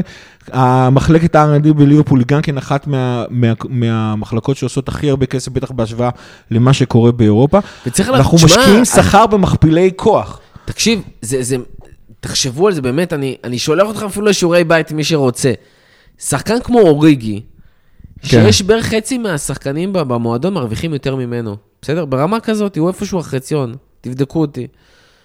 הבעיה מרוויח כמו 20 אנליסטים. אנליסטים תותחים שעובדים במועדון, שאמורים לדאוג לזה שנביא יותר שחקנים כמו סאלח נכון? ופחות כמו קייטה. שהאחוז הצלחה שלנו יש 80 אחוז, ולא 40 אחוז כמו כולם. שאתה לא תוציא 70 מיליון פאונד, ואתה תגיד, רגע, אתה יכול להוציא 70 מיליון פאונד, אבל אתה יודע שאתה מדייק, שכשאתה נכון. מוציא 75 ו-80, כמו על אה, וירג'יל ועל אליסון, אתה יודע שאתה מדייק שם אתה ברכש, מדייק. שהוא בול, וגם השחקנים שאתה מביא אותם ב-45, 50, 55, הם שחקנים שהם כאילו pinpoint למה שאתה רוצה, שקבוצה אחרת הייתה שמה להם 90. נכון, ועוד לא התחלנו לדבר על קלופ, לא רק על, על קלופ והצוות המקצועי, שעוד פעם, א', הם הופכים את הסכום החלקים של הסגל של ליברפול מקצועית להרבה יותר טוב, אבל שוב, זה חלק מהאסטרטגיה. יש סיבה שיש לנו בחור בשם ויטור מטוס, שכל התפקיד שלו זה לקשר בין הסגל של הבוגרת,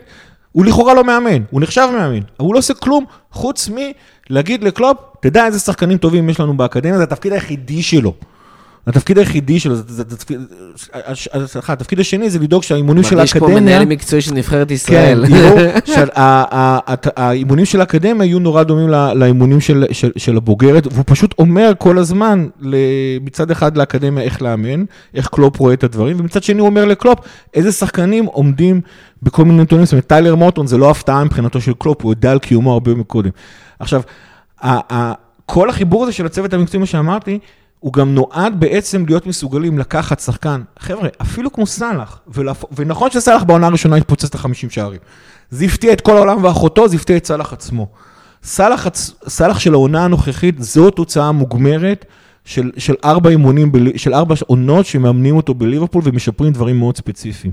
קונטה עוד שנה, עוד עונה שתיים, הולך להיות הבלם השני הכי טוב בעולם, כל עוד וירג'ין נשאר ב- ב- בליברפול. שיהיה לכם ברור, הוא הולך לעבור את אופה מקאנה שדיברו עליו על כישרון יותר טוב. זה מרגיש כאילו כבר העונה הוא עובר אותו עם מה שקורה עם אופה רק מקאנו תזכרו. שג'וטה לכאורה הגיע במקום ורנר, בואו נעשה סקר בכל הפרמייר ליג את מי אתם מעדיפים. אני הייתי מעדיף את ורנר, ב- ב- דאז אני גם אמרתי בעצמי. ובדיעבד, אתה אומר, וכל זה קשור, עוד פעם, איך לליברפול מחלקת את ה-65 אחוז, גם, גם מתמקדת בשכר של הקבוצה, של, של ה-11 הראשונים, הספסל הוא כאלה שיהיו ה-11 הראשונים בעוד עוד שתי עונות, וכמו שאמרת, אם אנחנו מגנים שהם לא מצליחים להשתלב, הם יצאו החוצה.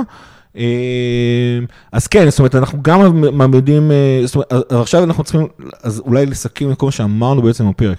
אנחנו גם הצלחנו להביא את ליברפול למצב שמבחינת חוסן הפיננסי שלה, היא הדבר הכי חזק באנגליה, למעט סיטי. אנחנו גם הצלחנו... אבל בלי תלות בעלים. בלי תלות, אגב, בלי תלות. בעלים נקודה. אם FSG כן. בוחרים למכור את המועדון לאיזה בעלים, לא משנה, לי. קוריאני, לגיא, אפילו אם הם מוכנים למכור את ה- את המועדון לגיא, המועדון לא אני מצליח- קורס, הוא כן. יותר מזה, הוא עדיין נשאר עם תקרת זכוכית מאוד מאוד מאוד גבוהה של. top 4, כי FSG, למעט לעזור לנו קצת עם ההלוואות לבנקים ברמת ה... לא קומבינות במזומנים, אלא... לא, אין לנו- מאוד באים, לא, אנחנו לא. חייבים נכון, לבעלים אני אומר, כרגע. המוע... הבעלים לא הביא לנו הלוואות ממנו. זאת אומרת, אין כן. sugar daddy. המועדון מתפעל את עצמו. הדבר היחידי שהבעלים עשו, זה באמת לעזור אולי בריביות מול הבנקים. ערבויות כנראה. ערבויות. כן. וכל מה שקשור למינוי האנשים הנכונים הנכונים. לנהל את המועדון, וזה כל הקונספט של Sports Group, כאילו, זה, זה התפקיד שלהם, וגם אם ימכרו אותנו, וזה מה שהם רוצים בסוף לעשות, להעלות את שווי המועדון ולמכור אותו ולעשות רווח, שזה מהמם כי הם ירוויחו, בזמן הזה אנחנו מרוויחים, כי המועדון הזה מעלה את שוויו, ולא סתם. נכון. הוא ב... הכל, הכל, הכל שם בצדק. נכון, וכמו שאמרנו, אז גם הצלחנו להביא את עצמנו בתור התחלה למצב שאנחנו מכניסים יותר מיונייטד, גם אנחנו מנצלים את הכסף הרבה יותר נכון, זאת אומרת, כאילו, וזה חשוב, כי שוב, כסף עוזר, כסף חשוב, נכון. כסף זה הבסיס, הוא לא מספיק טוב אם אין שם שכל שישפיע על הדבר הזה. כן, בטח גם בפערים הכלכליים מול, עדיין, שעדיין קיימים מול, סיט, מול סיטי ו- וריאל מדריד וברצלונה, והקטע המעניין והיפה פה, זה שאנחנו מאמינים מאוד מאוד מאוד מאוד במכפילי כוח, ושל ליברפול, שכנראה מבנה השכר... נגיד שוב, מכפילי כוח זה כל ה... כמו שיש אנליסטים, scouterים. לוחמים ותומכי לחימה, כן. על כל לוחם אתה צריך עשרה תומכי לחימה, על כל שחקן במועדון. צריך scouterים, אתה צריך. אה, מאמנים, עוזרי מאמנים, מנתחי וידאו, כל האנליסטים המטורפים שיש, אה, פיזיותרפיסטים הכי טובים, הרופאים הכי טובים, באמת. כן, ו- וזה כאילו, זה כאילו, אני, אני יודע שאם ישמעו אותנו עכשיו, וכנראה לא שומעים אותנו עכשיו, לא. אוהדים של קבוצות אחרות, שאומרים. damn Scousers again וכל זה, תקשיבו, מבחינה מקצועית אין באמת מחלקה אחת בליברפול שנופלת מאיזושהי מחלקה אחרת של, של קבוצה, קבוצת כדורגל אחרת באירופה ובעולם. באמת, ליברפול היא פשוט נמצאת בטופ, בטופ, בטופ, בטופ של כל דבר שאתם יכולים לדמיין. המיצוי של הכסף, המיצוי, זאת אומרת, מעבר לזה שכאילו כבר הדבקנו את הקבוצות הגדולות בהכנסות, המיצוי של ההכנסות אצלנו הוא כל כך הרבה יותר חכם מכל, וכל כך הרבה אה, איכותי מכל קבוצה אחרת, שזה פשוט מה שהופך את ליברפול, שואלים אותי, כרגע לקבוצה הכי טובה בעולם, כבר כמה זמני, אה, בטח כשהסגל שלה בריא. אני ככה. נגיע לחלק המעניין של, ה... כן. של הפרק, אה, ונלך עוד מעט לסיום. הפיק שלו, העברות, מה היכולת שלנו, ואנשים רוצים לדעת, מה היכולת שלנו לבוא בקיץ, עזוב כמה אנחנו צריכים, כי אנחנו עוד לא יודעים איך נסיים כן. את העונה הזאת ובאיזה תחושות מעורבות נהיה, וצריך לזכור, רכש, הרבה פעמים, הרצון לרכש מונע גם מהריגוש, וגם מאיזשהם תחושות שאנחנו מקבלים, או פחדים או חששות מהעונה הבאה, ואנחנו רוצים להתחזק ולהשתפר, הרצון לנצל מומנטום, זה אחלה, זה מהמם. ברור לנו שבקיץ ליברפול מתכננת רכש, כן. כנראה בעיקר באזור הקישור. מה היכולות שלנו, מה האפשרויות, כמה נצטרך למתוח את הקצה, אם פתאום רוצים, לא יודע, להביא, וואלה, אולי פתאום רוצים להביא שחקן כן ב-80 מיליון, להכניס אותו ישירות להרכב, רוצים להתאבד איזה בלינגהם או לא יודע מה, שלפני זה לא היינו רוצים, והם באמת מאמינים שזה שווה את זה.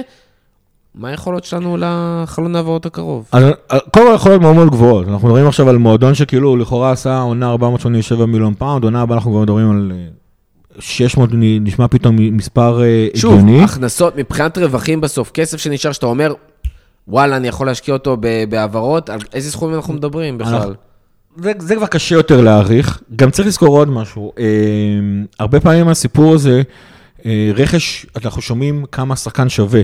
זה המספר הרשמי, חצי רשמי היחידי שמדווח החוצה. תשלומים לא עובדים ככה. הרבה מהתשלומים, סתם לדוגמת תיאגו, זה ארבע תשלומים שונים. ג'וטה, אה, בעונה שהוא הגיע, לא שילמנו כמעט אגורה. יש לנו איזה חמש אבל, מיליון, משהו אה, כזה. כן, אבל, אבל מהעונה הזאת התחלנו לשלם עליו. אה, אבל כמה דברים נורא נורא מעניינים. אחרי עונת, אחרי שזכינו באליפות, באותה עונה שאנשים ממש התחננו לרכש, לא שמנו לב, כמעט ולא שמנו לב, שהגיעו תיאקו, שהגיעו ג'וטה, ושהגיעו, אה, אה, שהגיע צימקס. שהעונה אנחנו אומרים, תודה שהם קיימים, כן. ורק מקווים שיהיו כשירים. צימקס בתחילת העונה המדהים והציל אותנו כשרובו היה פצוע. נכון. ז'וטה נהיה החלוץ העיקרי שלנו, וכבר כן. עם 12 שערים בליגה העונה, וזה עם הפציעות כאילו וכל חוץ מסאלח, הוא הבעיות. הגיים צ'נג'ר הכי טוב. שיש לנו כרגע.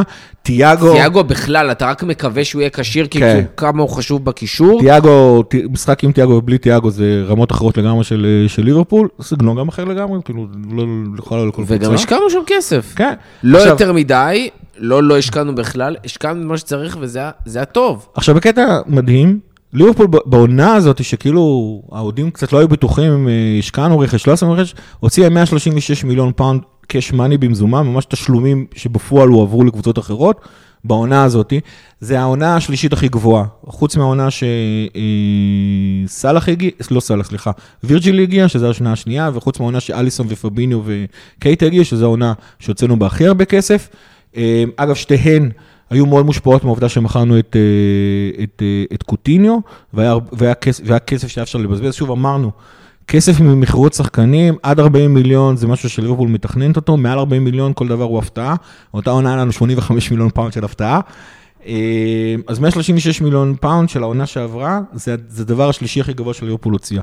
כבר העונה הבאנו את בואו לכאורה. בכסף נמוך, ואחר כך דיאז שם... שרצינו ב- להביא בעונה אבל רגע, הבאה. רגע, קודם כל קונאטה היה בתשלום אחד, תשלום כי אחד, שם זה סעיף נכון, יציאה. סעיף יציאה. מבחינת דיאז לא תכננו, אבל עשינו את זה, זאת אומרת, נכון. שמו כסף, הח- החליטו שזה סבבה, אין בעיה. אגב, שם כנראה. שכן שמו, שימו לב שדיאז קונאטה ודיאז זה כבר סכומים שנתבצעו בתשלום אחד, דיאז גם אפילו שילמנו להם אקסטרה, קנינו איזה אופציה לכאורה, זאת אומרת היינו מוכנים לשלם עוד לפני שהתבצעו הבדיקות עבורו, ונתנו להם כסף גם אם העסקה הייתה נכשלת. לא, שם, שם, לו. שם היה סיפור קצת אחר, שזה לא כי זה דיאז, אלא כי פורטו היה להם איזושהי בעיה פיננסית, נכון. וזאת הייתה הסיבה שהם באמת הסכימו ותקתקו וכל הדבר הזה, כי פרגנו, נתנו להם מראש את החמש, כאילו, נכון. ואז אמרנו להם את כל השאר כדי שיוכלו להשתמש בזה, כי הם היו צריכים... אה, אבל תחשוב מה היה קורה אם הוא לא היה. עובר את ה... בדיקות הרפואיות. את הבדיקות הרפואיות, כאילו אתה בזבז, כאילו קנית אופציה לקנייה בעצם. אבל עוד פעם, יש לך סיכונים פה כן. שאתה...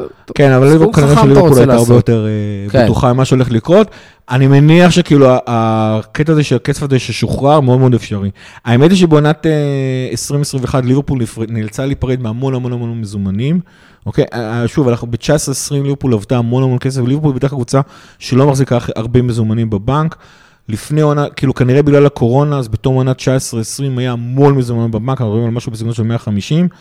אה, ועדיין ליברפול... אה, 150 מיליון. 150 מיליון פאונד, כן, כן, 150 מיליון פאונד. ואת העונה הזאת יש בקושי 35, בקושי זה אומר שליברפול הייתה צריכה להיפרד מ-120 מיליון פאונד. אגב, 70 מהם היה החזר, כאילו ליברפול הצליחה להחזיר בתוך עונת הקורונה הזאת, הצליחה להחזיר הלוואה לבנק. אז כאילו זה 70 מיליון פאונד החזרה לבנק בעונה אחת, זה המון המון כמה, המון המון כסף. ידוע כמה כסף אנחנו חייבים כביכול מהלוואות? כן, ל- אנחנו עדיין חייבים מהלוואות, אה, זה הולך ככה. שכמובן אפתח את ה- הלוואות זה כאילו, צריך להבין, אחד, קודם כל שחקנים, שקנינו, ואנחנו אה, משלמים כן. בתשלומים, ושתיים, הרחבה של אנפילד, שזה נכון. השקעה לטווח ארוך, ו- אה, והמתחם אימונים של AXA אז לבנקים, בקירקבי. אז לבנקים בתום עונה 19-20 אנחנו עדיין חייבים 127 מיליון פאונד, אה, וזה, וזה בריבית של 2%, משהו בסגנון. לקראת העונות הבאות, זה הלוואה לחמש שנים, יש עוד הרבה מאוד זמן עד שתחזור, התשלומים פה הם לא גבוהים מעונה לעונה. אה, לבעלים אנחנו חייבים 71 מיליון פאונד, אבל זה הלוואה א' ללא ריבית, וב' זה הלוואה שכאילו המועדון, הבעלים ייקחו אותם כשהם, כשהם ייקחו אותם. תכלס אף פעם. אה, אז זה- כן אגב, יש לנו איזושהי הלוואה. כן, אבל זה עדיין שאר... שוב, זה, זה שאריות של הלוואה מלפני עשר שנים כש-FSG קנו אותנו, בסדר? בעשר שנים, עונות האחרונות, המועדון לא שמו כסף שלהם במועדון, המועדון לחלוטין חי מההכנסות שלו. אה, זה, זה אחד. מבחינת התחייבויות אה, כספיות לשחקנים, אז אנחנו מדברים על, אה, שנייה שאני לא אפספס ואני אקרא את המקום הנכון, אז אנחנו מדברים על ככה שליברפול חייבת מצד אחד אה, די פה 80 עם איזה מיליון, אקסל מטורף. כן, כזה. 80 מיליון פאונד אנחנו חייבים לקבוצות אחרות לשלם, מצד שני יש קבוצות שחייבות לשלם לנו עדיין 114 מיליון פאונד על כמה קבוצות, כמה אנחנו חייבים? לקבוצות? 80, תכלס אנחנו פה ב net רווח של 30 כן. מיליון פאונד, 35 מיליון פאונד, זאת אומרת יש המון המון כסף, וזה עוד לפני שמכרנו שחקנים. זה אה, אה, לעונה הבאה. זאת אומרת, לא רק שיש כסף לשחקנים, יש גם כסף לחוזה לסאלח, אם אנחנו יש גם כסף לחוזה. לסאלח. זאת אומרת, זה לא גם בא אחד על חשבון השני. נכון, אבל אני חושב שכולנו מהרגע הראשון, בטח עם ההדלפות של הסוכן שלו, הבנו שני דברים. אחד, ליברפול תעמוד על העקרונות של איך שהיא מנהלת פיננסית את הקבוצה. ואז זה אומר שסאלח יצטרך, א', להמשיך להסכים לבסיס נמוך ובונוסים גבוהים, שיכול להיות שאחרי מה שקרה אה, בעונה של הקורונה שסיימנו במקום שלישי, יכול להיות שהוא כבר פחות מרוצים מזה. בגילו, אורך החוזה כבר מתחיל לדבר, שוב פעם, אנחנו אומרים גילו, 30, כן? זה עדיין, אפשר לחתום איתו על חמש... אה, היום ראיתי צי- ציוץ שבן זמה בדיוק כבש לו שער, הוא בן 34, ולבנדובסקי גם שם שלו שער, והוא בן 33, גם סאלח בגיל 35 המשיך לשחק ברמה הזאתי, אבל עדיין זה כבר מתחיל לדבר, המועדון כנראה ירצה שיהיה לו הרבה יותר קל לסיים את החוזה כשזה מועדון, זה דבר אחד.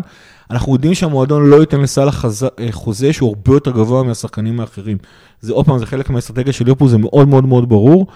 אה, וסלאח יצטרך להסכים עם זה, וכמו שזה נראה עכשיו, זה יותר שהסוכן של השחקן יצטרך להסכים לדבר הזה. אה, אני אישית עדיין מאמין, גם, פה גם כבר אוהד שבי מדבר, שאיכשהו יימצא הפתרון, אבל זה הסיפור. ליברפול לא תזוז מהעקרונות שלה, היא כנראה מוכנה לשלם לו הרבה יותר ממה, שקורה. אה, אמרנו, 325 מיליון פאונד שכר שחקנים, זכרו, חלק נכבד מהנתח הזה הולך ל... ל... ל... למכפילי כוח, סליחה, למכפילי כוח, ואמרנו שמהשמועות שיוצאים, יוצא שסאלח דורש 10% מכלל שכר השחקנים של ליברפול. לי אישית זה נשמע מוגזם, אבל אם אני המועדון... מזכיר שוב, כיום שכר השחקנים הוא איזה 65% מהוצאות המועדון. כן, להביא לסלח את מה שהוא רוצה, זה כבר מגרד שם את ה-70 כנראה, אם הוא רוצה 10% מהזה. כן, כן.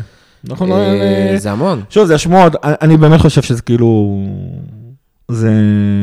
איכשהו זה ייסגר, אבל סאלח כנראה צריך לרדת מאיזשהו עץ, יותר נכון הסוכן שלו, אני מקווה באמת שיותר נכון הסוכן שלו זה המשפט הנכון. אה, אבל, אבל כבר אני אומר לכם, ליברפול לא תפחד להיפרד מסאלח, אם, אם במידה וזה מה שיגיע, לפחות אנחנו נמכור אותו בהמון המון כסף, ונביא במקומו את המשהו אחר. מקצועית מן הסתם זה יפגע בנו, אבל כאילו, מהבחינה הזאת... אולי כן ואולי לא, אנחנו לא לך יודעים. תדע. כמובן שסאלח זה בור לא קטן, ועם זאת, זה גם להכניס לא מעט כסף, וגם אנחנו יודעים אה, וגם פעמים, שכר אה, שאפשר לתת לשחקנים כן. אחרים, הכל הכל בסדר. כמו שאמרנו, עם 80% הצלחה. אני זה- חושב שכאילו. אם אנחנו רואים מה שקרה בעונה שעברה עם כל הפאניקה של הבלמים, שאומנם גם ליברפול עצמה עשתה כנראה שתי רכישות פאניקה בתום העונה, אבל בסופו של דבר, אה, ואגב, בדיעבד אפשר להגיד שאפילו לא היינו צריכים אותם, כמו שהמועדון הראה, נכון. כמו שהמועדון הראה שהוא כנראה לא עושה. וגם הקניות פאניקה האלה היו מאוד מאוד קטנות. מאוד כאילו, שם, מבחינת הסכום, נכון, אבל, אבל, אבל אם אתם זוכרים, בסופו של דבר קאבה שיחק שלושה משחקים, ארבעה משחקים, הוא היה מאוד מאוד טוב, הוא מאוד מאוד השפיע על ה... לחיוב, לדעתי, אבל בסופו של דבר שמונה ניצחונות רצוף, היו דווקא כשחזרו ריס וויליאמס ונת פיליפס, היו במועדון כל הזמן. נכון, אז נכון. כאילו, אני זוכר כמה אנחנו קודם היינו בפאניקה על... בכל לו? ינואר, דייוויס כן. שבשפילד בכלל ולא שיחק ולא דקה. הבנו למה לא המועדון שום דבר, והנה בדיעבד המועדון לא היה צריך להביא שום דבר, ועדיין לסיים במקום שלישי. כמו שליברפול, הקבוצה, הרבה פעמים נראה שהיא, שלא הולך לה למגרש, אבל הם אף פעם לא נכנסים ללחץ, כי אנחנו נורא נורא בטוחים בעצמנו. גם המנהלים הפיננסיים של ליברפול לא נכנסים ללחץ, כולל אגב קלופ. לא רק כאילו- המנהלים הפיננסיים, בעצם כל כולל קלופ, הצוות המקצועי. ש... כן, כולל קלופ, שכאילו אומרים ובאים, אתה תקבל, אתה כאילו תוכל להוציא רק מה שאנחנו מכניסים, והוא לא נבהל מזה. והוא, והוא עושה מזה דברים יפהפיים, ושוב פעם אנחנו נחזור על השחורה, האמת לא תכף לדבר על זה כל כך הרבה, כל כך, כל כך פתאום שם לב כמה אני נהנה מזה. אנחנו הולכים לעבור את יונייטד, וכשאתם מסתכלים כמה ליברפול מוצלחת במיצוי הכסף שלה, ועל הטעויות זה כבר הקולוסליות לא שקורות הקבוצה, כאלה, זה כבר לא רק הקבוצה, כן. זה המועדון. והטעויות הקולוסליות של המועדון כל שקורה ביונייטד, כולל הדבר. אגב, הכי גרוע מבחינה פיננסית, תחשבו כמה אוהדים, כמה כאילו, נגיד העברה בסדר גודל של רונלדו הייתה נותנת לכם תקווה בתור אוהדים מתחילת העונה, ובתכלס תראו איזה פלופ הוא. דרך לא אגב, נעים, לא כאילו- דיברנו על זה, ליברפול. מכרה יותר חולצות מיונייטד, חוץ מהעונה, זה היה מקום כולל שלישי. בעונה כן. שהם הביאו את ורן, סנצ'ו ורונלדו. ורונלדו, ורק תחשבו כמה חולצות רונלדו עצמו לבד מכר, וכאילו, ואמרו לי, מה, חייב להיות איזה השפעה כלכלית, והנה לא. לא הייתה לזה השפעה כלכלית, ליברפול מכר הרבה יותר, ומחוזה של הנייקי גם הרוויח הרבה יותר מכירות חולצות, נכון. מאשר, אגב, כנראה שבחוזה של יונייטד זה שמכרו יותר חולצות לא באמת עוזר להם להכנסות, בליברפול כן. אה, שוב, יונייטד דרך אגב מקבלת סכום קבוע, כל שנה כן. אה, זה, ליברפול מקבלת אחוזים, וכשאתה הקבוצה שמוכרת איזה top five בערך חולצות בעולם, אז אתה... כן, נשאל כמה. אפילו top 3 לדעתי. כן, נגיד את האמת שעוד פעם, זה, זה סכומים שהם כאילו קופץ נתון אחד ספציפי והאלוהים נמצא בפרטים הקטנים. שאלה כמה יש לזה השפעה לזה שזה חוזה ראשון עם נייק, כמה יש לזה השפעה בכל אופן לאליפות הראשונה, האחרונה שלנו בעצם, הראשונה אחרי 30 שנה. יש פה המון המון דברים שהמספרים האלה צריכים, אה, אה, צריך מה שנקרא עוד עונה 2 כדי לדעת כמה המספרים האלה חזקים. אבל שוב, ליברפול, חזרנו על זה, מועדון שחי לחלוטין מההצלחות שלו על המגרש ומהאוהדים שלו, חי אה, מבחינת חוסן הכספי שלו, הוא כנראה הגיע, בעצם הדביק את השורה הראשונה של המועדונים באירופה. מבחינת מיצוי הכסף שלו, זה המועדון שמתנהל בצורה הכי נכונה שקיימת אה, אה, באירופה, וכאילו, אתם יודעים, long it may continue. אה, ובקטע הזה צריך להגיד, אגב, להגיד המון המון, אה, לתת המון המון הערכה ל-FSD, שאמרנו את זה בכמה פרקים, זאת אומרת, היה המון, יצא, יצא המון אה, אה, קיתונות של ביקורת, לפחות ממני בסיפור של הסופר ליג, ואני עדיין עומד מאחורי הביקורת הזאת, אבל בצד הניהולי, בצד של איך מנהלים קבוצת ספורט, אני חושב שהיא מע- היא מעמידה סטנדרטים שפשוט לא קיימים בכדורגל האירופאי, וליברפול היא המועדון היום לחקות אותו. זה כאילו, זה לא... לא שאלה בכלל, זה כאילו, long it may continue, איך אומר קלופ. ממש. אה, משהו אחרון לסיום? never give up. לא, זה לא הפרק הזה. אני חושב שכשאנחנו הקלטנו הרבה לפני הפגרה, אבל כאילו, עדיין לא יהיה את המשחק נגד סיטי, אז אפשר להגיד never give up. כן, כן. בהצלחה מול סיטי. כן. תודה רבה לכל מי שהיה איתנו עד הסוף, אנחנו בטוחים שזה היה פרק לא פשוט, אנחנו בטוחים גם שחלקכם נהנתם מאוד מאוד מאוד, וזה מאוד העשיר אתכם. אה, דווקא בפרק כזה, וגם מי שהגיע עד עכשיו, חבר'ה, אם יש לכם נושאים נוספים לפרקים על זמנים שהייתם רוצים לשמוע, שהייתם רוצים שאנחנו נכין לכם, שאנחנו נשמיע לכם, זה הזמן, שלחו לנו הודעות פרטיות לאנשים, לעמודים שלנו, בטוויטר, בפייסבוק, באינסטגרם, זמינים בכל מקום, נשמח לענות לכם, נשמח לעבוד על מה שתרצו. אה, רק דברו איתנו. תודה רבה, גיא. תודה רבה. אה, ועד הפעם הבאה, לא, בעצם אין איפה לפטר אף אחד, להרוויח. להרוויח. להשאיר את כולם. להתראות.